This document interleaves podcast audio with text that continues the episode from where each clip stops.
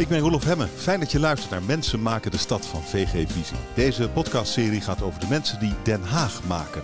Over wie ze zijn, wat ze willen maken en wat ze willen betekenen. Ik zou het heel gaaf vinden als ik dan een aantal gebieden, gebouwen ontwikkeld heb, of in ieder geval mee aan ontwikkeld heb, waar je gewoon ziet dat het werkt. Waar je ziet dat mensen gelukkig wonen, waar je ziet dat er echt een fijne leefomgeving is, waar je ziet dat het flexibel is. Als er iets leeg komt te staan, dat niet lang leeg staat omdat er weer wat anders ingevuld kan worden. Waar je ziet dat de openbare ruimte goed gebruikt wordt. Met name dat je ziet dat mensen daar gelukkig leven. En ook gewoon de dingen die zij willen doen, daar kunnen doen. Brit van der Zand is bij me. Zij is conceptontwikkelaar bij projectontwikkelaar Vorm. Welkom Brit, fijn dat je er bent. Dankjewel, leuk om er te zijn. Jij bent jong, je bent Klopt. 27. Ehm, kijk jij anders naar de wereld om je heen dan mensen van bijvoorbeeld mijn generatie? Dat denk ik wel. Eh, ik denk dat eh, mijn generatie eh, zich nog bewuster is van, van duurzaamheid en het belang daarvan. Wij gaan tenslotte denk ik nog meer nou ja, jaren meemaken dat het belangrijker dan ooit gaat zijn dat we voor zijn bereid op een duurzame toekomst. Je moet, ons, je moet eigenlijk onze rotzooi opruimen.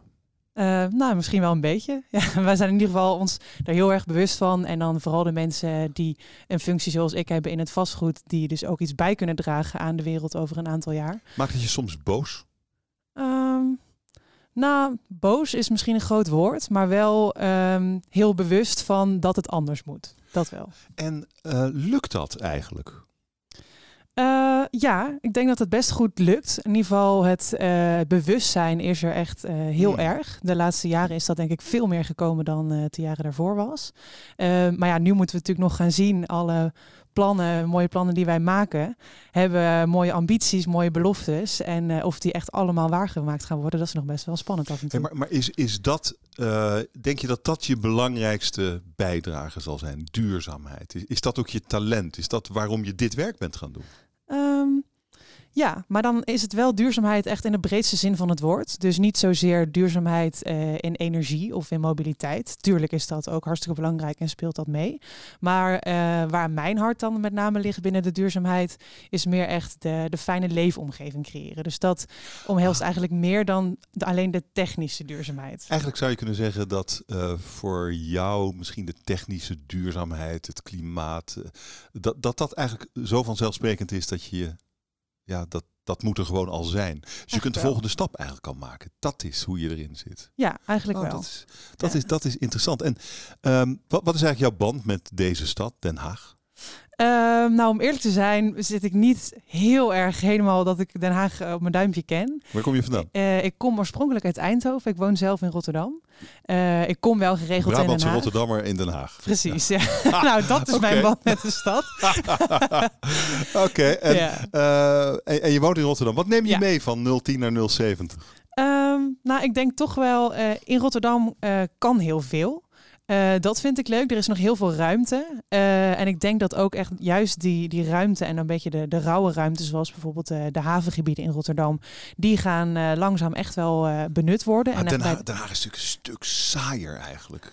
Als je er zo naar kijkt Nou, dan Rotterdam. Ik weet niet of het woord saaier is. Ik vind het wel echt een hele andere stad dan Rotterdam. Ik vind Rotterdam wat, wat stoerder, wat rauwer. En Den Haag vind ik een hele mooie stad, een hele gezellige stad. Maar wat minder dat, eh, ja, dat, dat stoere, dat, dat, dat rauwe heeft wat minder. Dat rauwe industriële, dat is er Ja, eigenlijk niet. Hè? Als, je, als je het met Rotterdam vergelijkt. Ja. Want rauwheid is hier voldoende. Eh, Ja. We nemen dit op aan het einde van de zomer. We hebben, we, we, we hebben enorme rellen gezien in Den Haag. Aan, aan, ook in Scheveningen aan de kust. Ja. Rauwheid is er wel in Den Haag. Maar Ja. dat is niet wat je zoekt. Nee, Hoewel Binkhorst en waar we nu zijn, het voormalige Ja. ministerie van Sociale Zaken, daar begint die rauwheid, Klopt. die Rotterdamse rauwheid misschien wel een beetje te ontstaan. ja, denk je de winkels vind ik daar wel een mooi, eh, mooi voorbeeld Ah. van. Ja. Ik vind het zelf altijd echt ehm, hele leuke plekken. En ik denk ook veel mensen uit mijn generatie met mij. Ehm, wat juist eigenlijk een beetje de, de placemaking plekken zijn. Dus plekken die eh, bijvoorbeeld in Rotterdam dan ver in de Mer Mervierhavens liggen. Nou, dat is echt nog een, eh, een havengebied waar nog niet gewoond wordt. eh, nog heel veel bedrijvigheid zit. Maar daar komen dan op een aantal plekken toch wel nou, een beetje de hippe restaurantjes. waar ook festivals, activiteiten georganiseerd worden. En ja, dat maakt wel een beetje dat die plekken op de kaart komen. En Hmm. eh, nou, dat zie je natuurlijk ook in de Binkhorst. Maar de Binkhorst is er eigenlijk alweer verder in. Want er zijn alweer heel veel plannen voor, eh, voor woningbouw daar. Ehm, maar dat vind ik wel... ehm, de plekken die een stad ja, vernieuwend maken, die net even een nieuwe plekken ontdekken. Ik denk dat mijn generatie dat heel leuk vindt in een stad. Mm. Maar goed, Den Haag is natuurlijk ook uh, ouderwetse chic. Uh, Ja. Op het zand en op het veen, eh, ja, Ja. daar woont dan de, het minder chique deel van de Hagenaars. Dat zijn eigenlijk de Hagenezen. Ja. Dat is echt, echt wel een gesplitste stad. Merk je dat ook zo, als je er fris naar kijkt? Eh, nou ja, als je bijvoorbeeld Scheveningen echt vergelijkt met het centrum van Den Haag, dan vind ik het wel een hele andere, een heel ander woonmilieu. Bijvoorbeeld. Ja. ja. En hoe dan? Ehm, nou, dan, als je het hebt over dat rauwe wat je net inderdaad noemde, dan vind ik Scheveningen wel wat rauwer dan, eh, dan de binnenstad van Den Haag. Dat is wat netter, wat, wat klas- klassieker. Ja. Ik, eh, ik, ik zou, nou goed, we, we komen een end. Ik, ik zou je nog iets beter willen leren kennen. Ik zou Ja. je graag een paar, misschien licht impertinente vragen willen stellen, als dat mag. Tuurlijk. Eh, ik, ik, ik zou je willen vragen een kort antwoord te geven. Daarna krijg je alle gelegenheid om het toe te lichten. Mhm. Wat is je grootste succes? Eh, ik denk het combineren van mijn verschillende interesses, ambities. Je grootste fuck-up? Eh, het wiel opnieuw willen uitvinden als je met iets begint. En het kantelpunt in je leven? Ik denk het moment tijdens mijn studie dat ik eh, eigenlijk de omslag maakte om niet meer voor architectuur te gaan, maar voor conceptontwikkeling. Oké. Eh, je grootste succes? Eh, laten we daarop inzoomen. Ehm, eh, je ambities. Ja. Ehm, ehm, ja, ambities is, is mooi. Kennis heb je daar natuurlijk voor nodig. Ja. Een plan, een idee, een droom, een gevoel. Weet ik, dat Ja. soort dingen. Eh, licht eens toe wat je er precies mee bedoelt. Ehm, nou, ik heb eigenlijk vanaf vroeger altijd al wel eh, nou, echt iets gehad met, met creativiteit. Ook wel met gebouwde omgeving. Eh, en nou, heb dus al- altijd best wel de keuzes kunnen maken van... nou, dit vind ik leuk, die kant wil ik op. En dat is eigenlijk heel erg de richting die ik nog steeds heel erg leuk vind. Ehm, dus dat is echt vanuit vroeger al. En dat heb ik eigenlijk steeds wat verder ontwikkeld, uitgebouwd... tot wat specifiekere gebieden of misschien ook wat meer verbreding. Maar ik, ik, sorry, ik ben toch even hangen vanuit vroeger. Wat, Ja. wat, wat was je droom dan toen je 15 was of zo? Of wanneer begon het te komen, dat idee? Nou, eigenlijk al veel vroeger. Toen ik, eh, nou ja, wat was het, een jaar of zes denk ik was. Zes. Ja, was ik al een beetje bezig met, eh, met huizen tekenen. En dan was het wel eh, natuurlijk huizen voor waar ik dan later in zou- zelf zou gaan wonen. En wat Maar- tekende je dan voor huizen? Nou, dat was dan echt toen nog een beetje een boerderij waar ik dan met, ja, heel leuk als kind, waar ik dan met mijn hele gezin zou gaan wonen of mijn hele familie. Maar dan was ik wel bezig met, eh, nou, een boerderij die had ik dan ook echt specifiek zeg maar op het oog. En dan ging ik daar plattegronden voor tekenen en wie dan waar zou gaan, eh, gaan slapen en zo. Dus ik ben altijd wel een beetje al bezig geweest met, eh, met tekenen en bedenken hoe we daar dan zouden gaan wonen. Van wonen en hoe je dat doet. En, Ja. en, nou, en, en ben je toen architect geworden? Nee, toen ben ik bouwkunde gaan Ja, studeren. bouwkunde, toch? met het Ja. idee inderdaad om, eh, om architect te worden. Eh, dus ik heb in Delft gestudeerd. Nou, de eerste drie jaar heb je dan je bachelor, bachelor en eh, daar doe je ook verschillende ontwerpprojecten in. Maar dan krijg je natuurlijk ook nog een hoop andere vakken die nou, aansluiten meer op bouwtechniek of stedenbouw. En ook op nou real estate, dus vastgoedmanagement, de richting die, die ik uiteindelijk heb gedaan. En eigenlijk kwam ik er tijdens die projecten achter van... Eigenlijk vind ik dat veel leuker. Dus niet alleen maar het ruimtelijke, het creatieve, maar ook wat er allemaal nog meer speelt. Dus eh, het programma wat je er gaat maken. Echt gaan kijken voor welke doelgroep maak ik het dan? Hoe gaan die mensen daar wonen of werken? Of nou ja, welke activiteit ze gaan doen? Eh, welke partijen heb je daarvoor nodig? Ehm, eigenlijk vond ik dat bredere plaatje vond ik veel leuker. Dus eh, toen ben ik toch een beetje afgestapt van het architect. En meer richting, nou toen wist ik eigenlijk nog niet eens dat het conceptontwikkelaar heette. Maar meer die richting ingegaan. Ja, ja van, de, van de, de boerderij naar de complete wijk Ja, eigenlijk. eigenlijk wel. Ah, en dan eh, je grootste fuck-up zeg je dat meteen eh, eh, altijd proberen het wiel opnieuw uit te vinden. Ja. Hoe zou dat komen? Ehm, ik denk dat het misschien ook een beetje komt vanuit een, het enthousiasme en echt iets heel gaafs willen doen. Als je aan een eh, nieuw project begint, dan denk je natuurlijk altijd, nou, hier gaat echt het concept komen wat nog niet bedacht is en hier gaan we echt iets helemaal nieuws doen. Ehm, dat is tenminste bij mij mijn, mijn eerste idee. Ehm, Wat is het laatste wiel dat je opnieuw probeerde uit te vinden? Ehm, dat is denk ik, gaat het meer om echt de, de configuratie of de woonvorm van een tender bijvoorbeeld waar wij aan werken. Dus eh, zodra je begint met een nieuw project, dan eh, wil je gewoon een, een mooi onderscheidend concept neerleggen. Eh, maar onderscheidend hoeft niet per se iets te zijn wat nog nooit eerder bedacht is. Het is eigenlijk beter als iets ehm, gebaseerd is op iets wat je eerder hebt gedaan, maar dan de betere versie ervan. Maar, maar wat, is dan, wat is dan de fuck-up daarin voor jou? Nou, dan ben je toch eigenlijk best veel tijd kwijt met nadenken over iets wat eigenlijk al best wel goed bedacht is, maar wat nog net wat beter kan, wat je dan from scratch opnieuw gaat bedenken.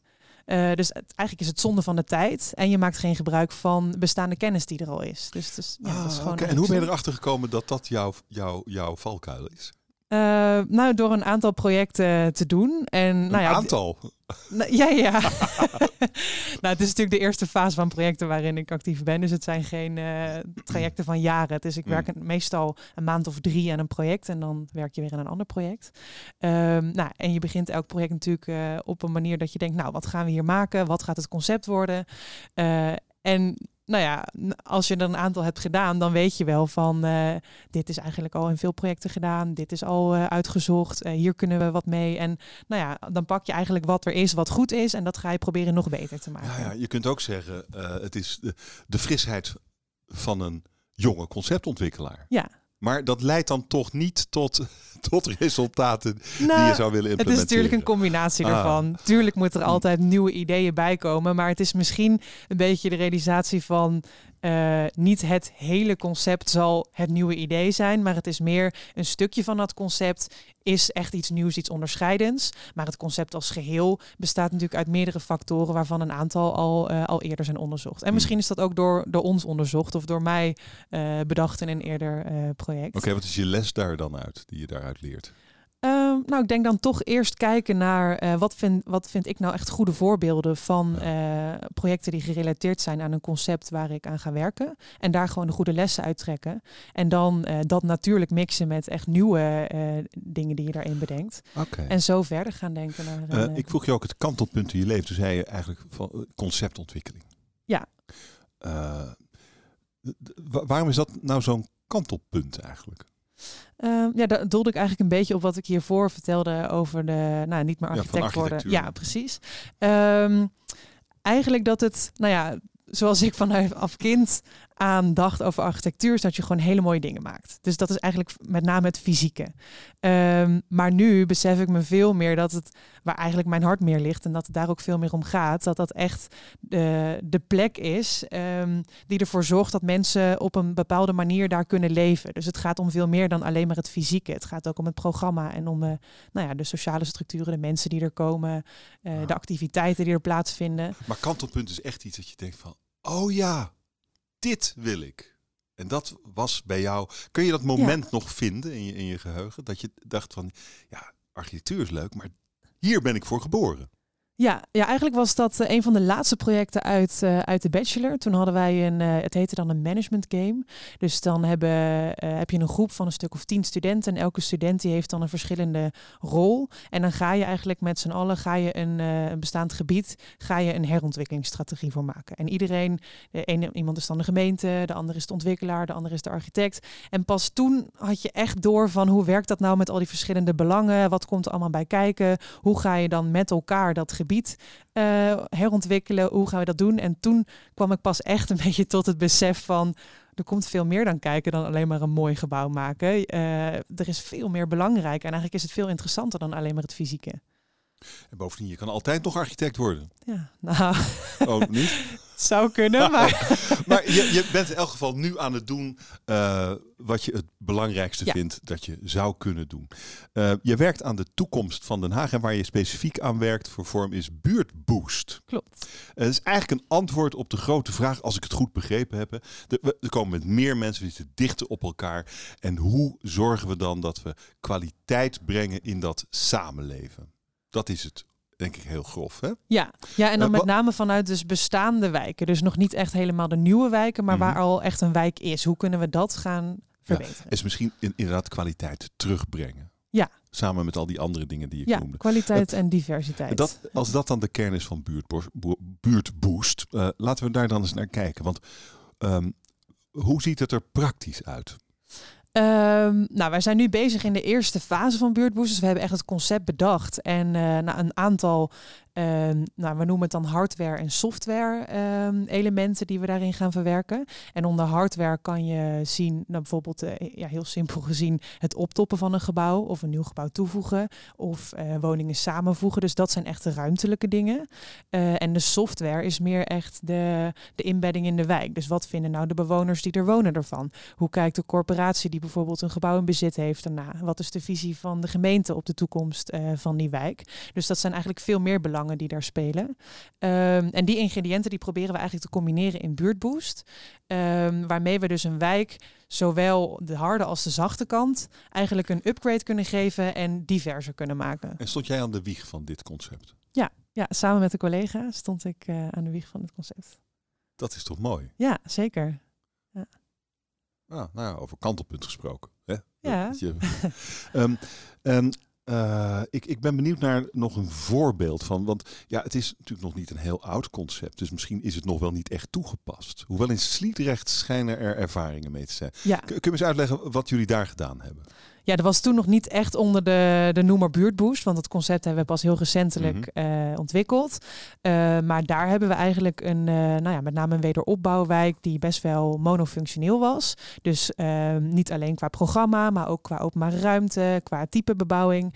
Gewoon oud, saai, goedkoop. Ja, veel herhaling. Arm. Ja, heel platgeslagen is dat Zoiets. eigenlijk een beetje het karakter van de wijk. Uh, en daar hebben we op verschillende manieren nou, een boost aan proberen te geven. Dus enerzijds is dat door de renovatie van, uh, van woningen, dus het bestaand vastgoed behouden, maar duurzamer maken en daarmee meer geschikt voor de toekomst. En uh, iets preciezer? Wat heb je, hoeveel woningen waren het? Wat, heb je ermee, mee, wat, wil je wat is het plan? Wat wil je ermee doen? Wat ga je ermee doen? Wat is er mee Het exacte gebeurd? aantal woningen moet ik je schuldig blijven, want ik ben zelf niet betrokken geweest mm. bij het project. Um, maar wat we in ieder geval wilden doen, is die wijk levendiger maken, diverser maken, meer geschikt maken voor de toekomst. En dat is dan ook een beetje die, die leefbaarheid kant van duurzaamheid waar ik het over had. Okay, maar maar hoe, hoe, hoe doe je dat dan precies? Je hebt een, een wijk. Laten we een voorbeeld in Den Haag nemen. Mm -hmm. Wat ben je nu op, op dit moment in Den Haag aan het doen? Nou, we kijken bijvoorbeeld naar uh, Den Haag Zuidwest. Dat is nu echt Mm. nog een puur Mm. een oriëntatie van uh, zouden we daar wat met buurtboost kunnen doen. Dat is een wijk waar heel veel, uh, nou ja, we, we, hadden het net al even over, heel veel herhaling is, heel veel van die stempelstructuren, veel wederopbouw, eh, veel dezelfde type woningen. Openbare ruimte die niet echt optimaal gebruikt wordt. Stuk of wat sociale problemen ook nog. Ook wat sociale problemen. En dan uh, nou, zijn wij nu aan het kijken van op welke manier zouden wij daar met buurtboost wat in kunnen betekenen. Oké, okay, maar als je naar uh, Den Haag Zuidwest kijkt, dat is best een groot gebied. Mhm. Het ligt natuurlijk mooi, niet zo heel ver van, uh, van het strand, zou je kunnen zeggen. Ja. Hoewel, hoe ver ben je? Altijd in Den Haag van ja, strand, nooit zo ver. Maar goed, dat, dat, is, dat is natuurlijk best goed. Um, wat is verder het potentieel van dat gebied, denk je? Um, nou, ik denk inderdaad, je zegt al, het, het ligt hartstikke mooi. En uh, daardoor is het eigenlijk zonde dat de potentie van die goede plek uh, heel dicht bij de stad, heel dicht bij het strand, nog niet optimaal uh, Hmm. gebruikt wordt. Dus maar een beetje, zouden... een beetje groen is er ook wel al.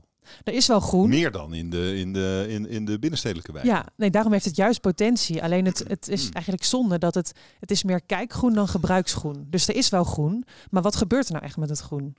En nou ja, er gebeurt niks met het groen Nee. daar. Daar kijken mensen naar. Dus, Precies. En dan go- uh, gooi je er misschien blikjes in en dat soort dingen. Ja. Nee, terwijl wij denken met buurtboost juist uh, dat groen veel meer kan betekenen. En dat kan echt gebruiksgroen zijn. Dus dat er een parkje is waar je in gaat uh, hardlopen of waar je kinderen gaan spelen. Of nou, noem maar op waar een moestuin is. Maar dat kan ook nou ja, ecologisch zijn voor de biodiversiteit van de stad. Dat we dat gaan versterken. De type planten, de type bomen. Dus dat daar meer dieren op afkomen. Voor de klimaatadaptatie. De wateropvang kan natuurlijk veel betekenen. Dus eigenlijk kan op verschillende manieren kan dat groen veel beter gebruikt worden. Is groen cruciaal in buurtboost? Ja, dat denk ik wel. Ja. Oké. Okay. En um, dan zou je misschien nog iets aan de woningen kunnen doen. Zeker. Ja. Um, wat bijvoorbeeld? Um, nou, wij kijken met Buurtboost heel erg naar het toevoegen van meer diversiteit. Dus daarmee ook naar het uh, naar vergroten van het, het aantal type woningen. Dus niet alleen maar sociale woningen, maar ook middendure woningen. Uh, en daarmee misschien ook woningen meer voor gezinnen en woningen voor alleenstaanden of voor tweepersoonshuishoudens. Dus zo kijken wij naar, kunnen we woningen uh, bijvoorbeeld splitsen of koppelen? Of kunnen we woningen op een gebouw toevoegen? Uh, en de woningen die we toevoegen, willen we dan wel graag in een nieuwe doelgroep toevoegen. Dus niet nog meer het aanbod dat er al is vergroten, maar daar echt iets nieuws aan toevoegen. Ja, toch is het, het, het probleem staat heel treffend beschreven als je over de uh, vanaf de A12 de stad uh, Den Haag binnenrijdt, zie je op een gegeven moment op een viaduct staat huur is Ik zag te het duur. vanochtend, ja. Uh, dat vat in een Ja. paar woorden het hele probleem samen. ja. Hoe los je dat op met behulp van Buurtboost? Ehm, nou, het is eigenlijk zo dat de, de wijken waar we met name naar kijken, hebben juist vaak veel sociale huur.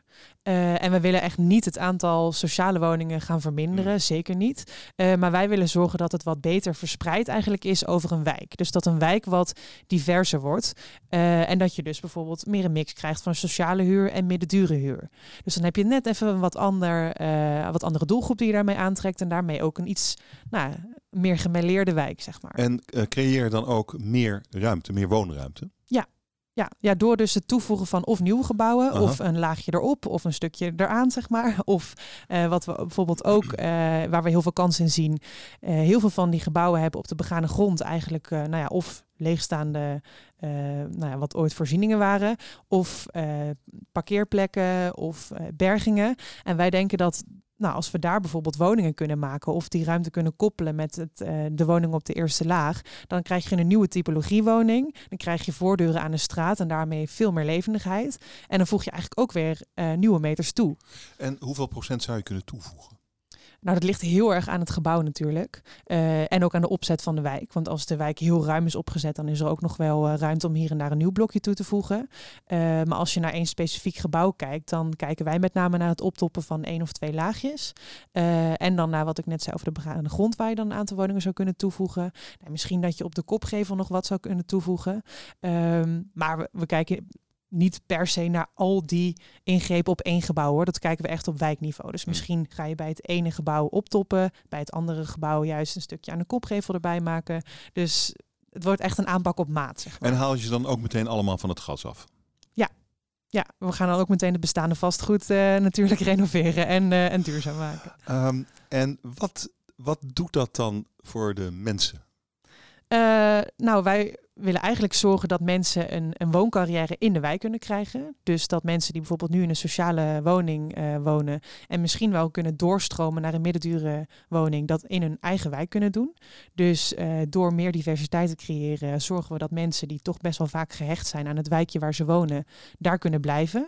Ehm, en we willen zorgen dat mensen die eh, in een wijk wonen, eigenlijk daar met meer plezier kunnen gaan wonen. Dus dat ze meer eh, toegevoegde waarde in die woonomgeving krijgen. Los je daarmee eh, eh, sociale problemen op? Sociale problemen die daar in overvloed zijn. Ja, nou, ik zou niet willen zeggen dat het in één keer allemaal weg is. Maar in ieder geval lossen we denk ik wel een groot deel van de problemen op. Of doen we daar een goede aanzet voor. Hoe dan? Ehm, nou, door het scheppen van meer diversiteit. En dat is dus zowel in doelgroepen als in eh, programma. Dus bijvoorbeeld ook door het toevoegen van Andere wat meer mensen voorzieningen. Andere mensen Nee, n- zeg maar, naar de wijk trekken. Ja, maar niet ten koste van de mensen die er nu wonen, maar aanvullend. Oké. Ehm, maar dan zou je wel eerst eh, het sociale klimaat in zo'n wijk ook wel aantrekkelijker moeten maken, misschien. Of- Ja. Of, of, want hoe doe je dat? Weet je? Hoe maak je eh, een wijk waar, waar eh, eigenlijk te veel problemen samenkomen? Eh, hoe maak je die aantrekkelijk voor mensen, zodat het eh, aantal eh, naarlingen verdund wordt en ze minder naar zijn? Want dat is dan misschien het mechanisme zoals het werkt. Hoe doe je dat? Ja. En ik denk dat het daarin heel belangrijk is om eerst echt in gesprek te gaan met de mensen die die wijk als geen ander kennen. Ik bedoel, wij komen toch als ontwikkelaar kijken. Wij kunnen natuurlijk heel veel analyses van die wijk maken. Maar het beste werkt het om in gesprek te gaan met mensen die daar wonen. Om in gesprek te gaan met de woningcorporatie. Die mensen zitten al zo lang in die wijk en die weten gewoon precies wat er allemaal speelt. En ik denk dat het in elke ontwikkeling bijna heel erg belangrijk is om dat eerst eh, op te halen voordat wij daar wat voor gaan bedenken. Wat ik me ook zat af te vragen is hoe ga je dan hoe ga je naar zo'n wijk? Hè? Je zegt, ja, we zijn een beetje aan het oriënteren nu, maar Mhm. je bent er vast al geweest. Je hebt daar gestaan, je hebt daar rondgereden, gefietst misschien. Je hebt geprobeerd die wijk in te ademen en te kijken, wat kan ik hiermee? Mhm. Hoe gaat dat proces, hè, waar je nu in zit? Hoe gaat dat? Eh, nou ja, inderdaad, zoals je zegt, je gaat eerst een keer eh, rondfietsen, foto's maken. eh, nou, het liefst ook nog een aantal mensen gewoon aanspreken. Gewoon eens vragen van, oh, meneer, mevrouw, mag ik u wat vragen? Woont u hier? Wat vindt u van de wijk? Nou ja, op die manier gewoon even heel korte gesprekjes. En als je dat met een aantal mensen doet, dan haal je al best een beetje wat, wat dingen op. Ik moet zeggen dat we dat dus nog niet gedaan hebben in Den Haag Zuidwest. Maar wat heb je zelf al, al voor ideeën opgehaald? Eh, dit heb je natuurlijk al gedaan. Nou, in Den Haag nog niet, maar we Oh, zijn oh, dus, oh, oké. nee. Ehm, maar zo willen we eigenlijk wel gewoon naar iedere wijk gaan kijken. Dus dat is eigenlijk wel eh, nou, het bezoeken, het met mensen praten, eh, het foto's maken. En er zijn eigenlijk in de wijken waar we naar kijken met Buurtboost best wel veel eh, nou ja, algemene dingen zou ik bijna willen zeggen, die overal wel spelen. Dus waar we het net over hadden met de openbare ruimte speelt eigenlijk overal wel. Nou ja, de, de duurzaamheid van de gebouwen, dus eigenlijk een beetje de technische duurzaamheid speelt overal wel. De eenheid speelt vaak. Mm. Maar hoe je dat dan precies gaat invullen in een oplossing, dat is natuurlijk voor iedere wijk anders. Ja. Maar dit, dit is wel een enorm project. Ja, Dit Zeker. groot. Dit is ook langjarig. Niet dat we over een jaartje al eh, wijken hebben Ik opgeleverd. zou verhuizen naar Den Haag, want je gaat hier heel veel tijd besteden. Ja, Ehm, en wie gaat dat allemaal betalen? Eh, nou, wij samen met de woningcorporatie, samen met de gemeente. Dat hangt natuurlijk ook heel erg af weer van welke wijk je specifiek naar Wij, kijkt. vorm? Onder andere. Nou ja, wij willen in ieder geval investeren in eh, het beter maken van die wijken. En we zullen niet in ons eentje alle kosten gaan dragen. Nee, nee, maar dan moet natuurlijk, ja, uiteindelijk moet je er ook gewoon geld aan verdienen. ook. Dus iemand betaalt de rekening. Ja. Hoe, hoe werkt dat? De corporaties. Nee, wij moeten dat natuurlijk nog verder gaan uitzoeken. Daarvoor willen we nu een aantal eh, testcases gaan doen. Dus wat we eerst hebben gedaan is echt het concept neergezet. Nou, dat is fase 1 waarvan we nu de brochure hebben. Eh, dan gaan we nu fase 2 in. En dan willen we eigenlijk vier verschillende trajecten ehm, gaan uitzoeken. Eh, dat is dan conceptueel, ruimtelijk, eh, financieel en orga- organisatorisch. En daarvoor willen we eigenlijk eh, nou, een stuk of drie testcasussen gaan doen. Waarvan we dus eigenlijk een quickscan gaan maken op die vier verschillende trajecten. Gewoon buurtjes in Zuidwest. Nou, en bijvoorbeeld eentje in Zuidwest, eentje in Rotterdam, eentje in Amsterdam. Oké. Eh, dus het kan breder, zeg maar. Dit, dit gaat over het hele land. Ja, ja. Tuurlijk, want je kan, het, je kan het overal doen. Precies. Ja, en met verschillende woningcorporaties, zodat we dus ook daarvan kunnen leren van, eh, nou, hoe gaan we dit nou aanpakken? Eh, nou, wat zijn de, de lastige dingen? Wat krijgen we ma- makkelijker voor elkaar? En eh, nou ja, zo willen we eigenlijk een beetje toe naar een, een aanpak die we straks op nou, verschillende wijken kunnen gaan, gaan loslaten. Jij wil heel Nederland een beetje leuker maken. Nou, het liefst wel. Ja, dat is het. Ja. En er dan ook nog een beetje geld aan verdienen. Alleen Ja. ik heb wel een beetje het gevoel dat het verdienmodel nog niet helemaal duidelijk is. Nee, dat is het ook nog niet. Dat moeten we echt nog gaan, eh, gaan Ja, uitzoeken. ja, Ja, ja. daar heb je helemaal gelijk in. Nou goed, je kunt eh, verdienen is natuurlijk niet alleen maar eh, euro's die van de ene naar de andere portemonnee gaan. Het is ook Nee. de opbrengst, de sociale opbrengst. Het, Ja. Je zou zelfs kunnen zeggen dat het geluk opbrengt. Ja, en dat is eigenlijk wat ik zelf het belangrijkste vind. Dat vind ik belangrijker dan er geld mee verdienen. Ehm, zou het lukken? Het gaat heel veel commitment kosten, maar ik heb er wel vertrouwen in Wat zijn, dat de, het gaat lukken. wat zijn de faalfactoren? Hoe kan buurtboost verschrikkelijk mislukken? Waar ben je bang voor? Ik denk als we gewoon niet genoeg eh, doorpakken, dus eh, dan gaat het te lang duren, dan is het te afhankelijk van verschillende partijen, dan gaat het gewoon vertragen en nou ja, van uitstel komt afstel. Dus ik denk Ah, dat het heel belangrijk is dat we gewoon met een aantal eh, partijen in zee gaan, dus woningcorporaties, gemeentes, die, waarvan we gewoon echt weten, hiervoor hier gaan we echt voor met z'n allen als team zijnde. En iedereen zal natuurlijk wat moeten slikken, wat moeten inleveren. Maar dat je gewoon weet, oké, we gaan het doen met z'n allen. En we gaan ons niet uit de weg laten slaan door Hmm. eh, nou, tegenslagen. Want die krijgen we hoe dan ook. Denk je dat je nu op de top van de golf zit? Dat nu het momentum er is? Eh, ja, dat denk Terwijl ik er wel. een recessie zit aan te komen.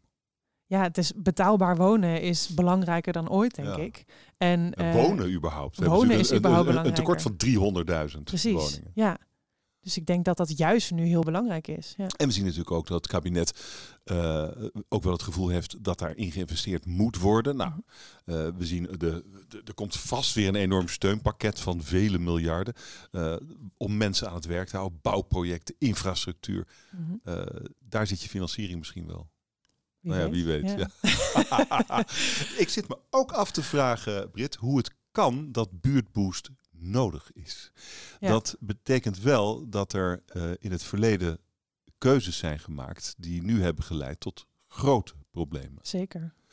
Wat zijn die keuzes geweest? Ik denk eh, te snel te veel woningen eh, willen toevoegen. Hmm. En dan daarin, al- als in snel woningen toevoegen is niet erg, want dat moeten we nu ook. Maar dan op een manier eh, waarbij te weinig is nagedacht echt over de, de context en over de manier waarop mensen daar gaan leven. De, de typische buurtboostwijk, zoals ik hem maar even noem, heeft eh, heel veel herhaling, heel veel dezelfde gebouwen. Dan heb je nou ja, vijf, zes, zeven blokjes die allemaal precies hetzelfde zijn en na elkaar eh, gebouwd worden. Dus daar is gewoon te weinig nagedacht over flexibiliteit en te weinig nagedacht over diversiteit, denk ik. Hadden ze het maar in één keer goed gedaan dan, Ja, dat was toen mooi na geweest. de hè? oorlog. Ja. Deze podcast van VG Visie wordt mede mogelijk gemaakt door DVP. DVP helpt bij de ontwikkeling en realisatie van projecten, hoge kwaliteit, financieel beheerst. Met als doel gewild en rendabel vastgoed, daadkrachtig, onafhankelijk en integer. DVP. Zometeen praten wij verder dan over je wildste ideeën voor de stad Den Haag. Maar eerst een paar andere vragen. Ik verwacht weer een kort antwoord en daarna mag je toelichten. Ehm, waar haal je je inspiratie vandaan? Eh, uit de momenten dat ik eh, door nieuwe stukken van een stad loop. Voor En- mijn nieuwe stukken. En welke drie mensen hebben wat jou betreft de stad gemaakt, de stad Den Haag gemaakt zoals zij nu is? Laten we eerst kijken naar twee goede en dan eentje die het echt helemaal verprutst heeft, die het beter niet had kunnen doen. Drie Ja. namen. Ehm, nou, ik denk als eerste de, de gemeente. Die eh, heeft... in- Gemeente? ja. Oh, dat moest korter, hè? Ehm, dan de initiatiefnemers van die nieuwe hotspots. En de derde? En de derde is eigenlijk de, nou, de stedenbouwkundige uit de wederopbouwperiode. Ja, oké. Eh, nou, laten we kijken eerst naar jouw inspiratie. Jouw inspiratie haal je door uit de, door, uit, uit door de stad te lopen, het kleine dingetjes. Wat Ja. zijn dat dan voor kleine dingetjes? Wat zie je dan? Ehm, nou, bijvoorbeeld leegstaande gebouwen, waar dan eh, ineens een, eh, een nieuw initiatief zit. Wat dan? Een, Maar, ga even terug naar de laatste keer dat je dacht, wauw, hier voel ik inspiratie op borrelen. Eh, nou, bijvoorbeeld een, een vintage winkeltje, een koffiebarretje. eh het zijn helemaal niet heel ingewikkelde dingen, maar van je denkt, het is toch wel gaaf dat die ondernemer gewoon denkt, ik ga dit gewoon hier starten en ik heb er vertrouwen in dat op deze plek eh, dat dat goed gaat komen, dat hier wat gaat gebeuren. En, en, en jouw werk is eigenlijk om de voedingsbodem voor dat soort initiatieven te creëren. Dus Ja. de inspiratie is van kijk eens, hier heb ik een laagje verse aarde neergelegd. En kijk eens wat er groeit. Zoiets. Ja, ja eigenlijk Ja, ja. wel. En dat Ja. zou je dan mee kunnen nemen naar bijvoorbeeld een wijk als eh, Den Haag Zuidwest. Daar zit jouw inspiratie. Ja, dat vind ik, wel heel leuk. Ja. twijfel. Nou, ik zit meer een beetje te denken. ehm, echt het industriële en het rauwe en dan daar die, die nieuwe plekken. Dat vind ik heel gaaf. Maar dat is natuurlijk niet helemaal de woonwijk. Oh, sorry. Nee, ook niet helemaal de Den Haag Zuidwest. Dus Nee. dat is wel echt een ander type gebied, een ander type ontwikkeling. Ja, maar ga, Ehm. ga jij, ga jij eh, in het weekend voor de lol door Den Haag Zuidwest wandelen? Nou, als ik eh, heel specifiek naar een wijk aan het kijken ben, dan vind ik het wel leuk om in het weekend eens een keer een rondje te lopen en te kijken wat gebeurt er nou allemaal op Ja, een zaterdag. Ja, maar dan denk je natuurlijk wel, dat is onderzoeken, dat is niet eh, geïnspireerd worden. Want dan denk je, oh, Nee, jeetje, dat is meer hier is toch heel veel werk. Nee, klopt. Dat is meer maar dit zegt iets over waar je denkt dat het kan komen. Ja. Ah, oké. Ja. Eh, de gemeente Den Haag zeg je, als, als ik je vraag welke drie mensen hebben de stad gemaakt zoals zij nu is. De gemeente, eh, initiatiefnemers van de, de, de, de hotspots en Ja. ook de stedenbouwkundigen aan, eh, in de wederopbouw. Laten we naar de gemeente kijken. Ja, nou wat ik daar wel eh, uniek vind aan de gemeente Den Haag is dat zij echt specifiek voor het Central Innovation District hebben gezegd, nou daar mag je de hoogte in. Eh, en dat daardoor eigenlijk de andere wijken hun karakter kunnen houden.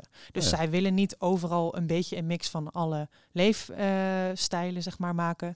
Maar ze hebben gewoon specifiek gezegd, dit wordt echt hoogstedelijk. En daarbuiten blijft het eigenlijk gewoon, nou, zoals ik best wel tegen Den Haag aankijk, een beetje het klassieke en het gezellige en het mooie oude eh, Oh, stad. ja, hoog is niet zo gezellig. Je- hoog kan zeker gezellig zijn, maar dat is een heel ander type mens, denk ik, dat daar gaat wonen dan die in de, in de stadswijken woont. Hoe dan?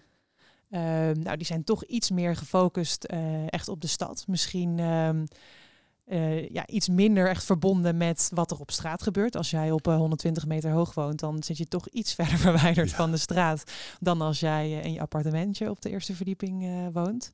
Ehm, en niet iedereen wil graag midden in de stad wonen. Oké, en je, wa, wa- wa- het compliment wat je hier aan de gemeente maakt, is eigenlijk dat er een duidelijke keuze is gemaakt. Oké.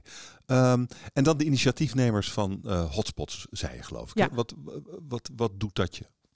Nou, dat, daarmee doe ik eigenlijk een beetje op die, op die ja, onverwachte plekken. Dus dat je door, eigenlijk door een... Uh, nou, je gaat niet zomaar even door een verlaten gebied lopen meestal, maar dat je een reden hebt om daar doorheen te gaan, om naar die hotspot te gaan. Je hebt gehoord dat er daar iets leuks is, dat daar een, uh, een ondernemer gestart is met een, een, hippe, een hippe restaurant bijvoorbeeld. Um, en daardoor Ga je daar naartoe, fiets je door een gebied waar je anders nooit zou komen, uh, omdat je het wil zien. Je wil zien hoe het daar is, uh, je wil voelen hoe de sfeer daar is. Je wil kijken van, uh, nou, is dit een beetje het nieuwe gebied waar het gaat gebeuren? En dat vind ik altijd wel heel gaaf, dat mensen gewoon denken, ik ga dit hier beginnen. Ja, ik, ken je het oude slachthuisterrein in Kopenhagen? Uh, ja, ja, daar ben ik geweest twee jaar geleden. Ja, dat super is, gaaf. Dat is precies wat jij beschrijft. Ja, ja. Daar zitten de hipste clubs, dus de leukste winkeltjes, ja. zomaar in, nou ja, in, waar vroeger nog niet eens zo heel lang geleden het feest stond te wachten op de slacht. Nee, precies. Ja, maar dat vind ik heel gaaf. Ja, dat je ja. gewoon ineens nieuwe plekken in de stad hebt die gewoon echt erbij horen ineens. En dan de mensen die je niet zo'n groot compliment geeft, de stedenbouwkundigen van na de oorlog. Wat zouden dat voor mensen geweest zijn? Dat ze uh, mensen wilden laten wonen tientallen jaren lang in dat soort zich steeds herhalende patronen met veel te weinig. Wat, wat zouden dat voor mensen geweest zijn? Nou, ze hebben natuurlijk helemaal niet zo verkeerd uh, bedoeld, want er zat ook weer een hele theorie achter met dat groen en uh, de tuinsteden en uh, veel meer in een soort, nou, in jouw eigen bouwblokje wonen. Um, maar ja, daardoor hebben we nu buurtboers moeten ontwikkelen. Ja, maar wat hebben ze dan gem wat, ze, wat hebben ze nou gemist? Wat, hoe denk je dat die mensen keken naar wat ze aan het doen waren? Zouden die zich werkelijk zoals jij hebben afgevraagd, nou misschien is het wel fijn als mensen daar gelukkig worden? Nou ja, dat misschien wel. Misschien werd het op een andere manier ingevuld. Maar wat ze in ieder geval heel erg gemist hebben, wat mij betreft, is uh, nou, woningen maken voor verschillende soorten mensen. Het is gewoon allemaal hetzelfde. En ik denk dat we niet allemaal hetzelfde willen wonen. Nee, misschien waren we 50 jaar geleden wel iets meer hetzelfde. Ja, dat misschien wel. Ja. Je zou het ze misschien niet eens kwalijk kunnen nemen.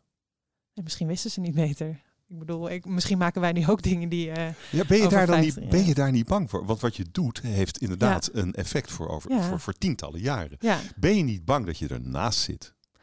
Nou, nee, eigenlijk niet. Omdat wij uh, in welke ontwikkeling dan ook uh, heel erg rekening houden met flexibiliteit. Dus wij denken echt na van wat, wat is hier over 50 jaar? Wat, wat kan er gebeuren met dit gebouw als er ineens geen woningen meer, uh, geen behoefte meer is aan woning op deze plek? Dus we denken altijd na over een tweede of een derde gebruik.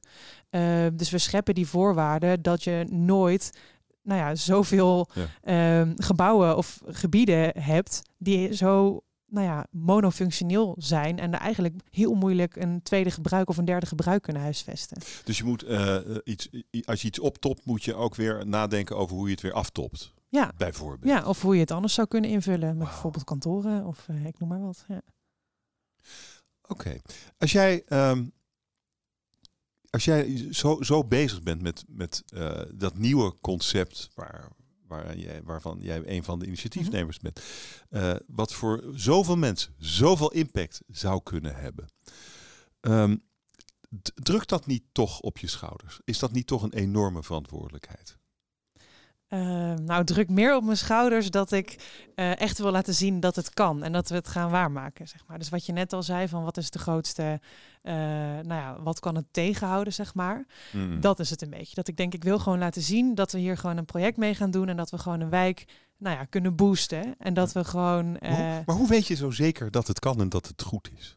Dat weet je niet. Dat moeten we gaan onderzoeken. Ja, maar jij bent ervan overtuigd. Ja, ik ben ervan overtuigd dat het kan, maar nu moeten we ervoor zorgen dat we alle partijen meekrijgen. Dat we de bewoners meekrijgen, dat we ons nou, intern alles meekrijgen. En, en, als je nou morgen de baas van alles zou zijn, wat zou je dan doen? van alles, hoe bedoel je? Van... Ach, gewoon, gewoon de baas van alles. Jij bent de baas. Ja, nou, dat zou makkelijk zijn, want dan heb ik niet zoveel verschillende belangen en dan kan ik het meteen gaan hoe ziet, dan, hoe ziet Den Haag dan, er dan uit over een jaar of wat, als jij de baas van alles bent? Um, nou, ik denk toch wel uh, inderdaad die, die scheiding tussen verschillende woonmilieus. Niet iedereen wil hetzelfde wonen, niet iedereen wil op dezelfde plek wonen. Wel heel veel verschillende mensen willen in de stad wonen. Um, maar dat je echt gaat kijken naar verschillende woonmilieus in die stad. Dus dat je, nou, je hebt woonmilieus met grondgebonden woningen. Je hebt woonmilieus met uh, één, twee laags appartementjes en jaren dertig woningen. Um, je hebt woonmilieus met torens, maar ook wel echt iets ertussenin. En ik denk dat het ook heel belangrijk is dat we dan heel goed nadenken over de openbare ruimte. Dus dus niet per se groen, maar echt hoe gaan we die openbare ruimte gebruiken? En hoe zorgt die echt voor meerwaarde Hmm. eh, op de woning waar je al woont? Zou je niet ook gewoon kunnen denken, eh, allemaal hartstikke leuk in die wijken, maar laten we gewoon helemaal opnieuw beginnen. Als je eh, Den Haag in, in komt rijden, het is kilometers lang weiland. En Nee. industriegebied. Nee, ik denk Kan je daar juist niet ook gewoon van alles bouwen?